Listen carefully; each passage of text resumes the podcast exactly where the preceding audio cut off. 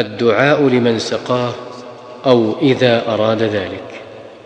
يقول اللهم أطعم من أطعمني واسق من سقاني.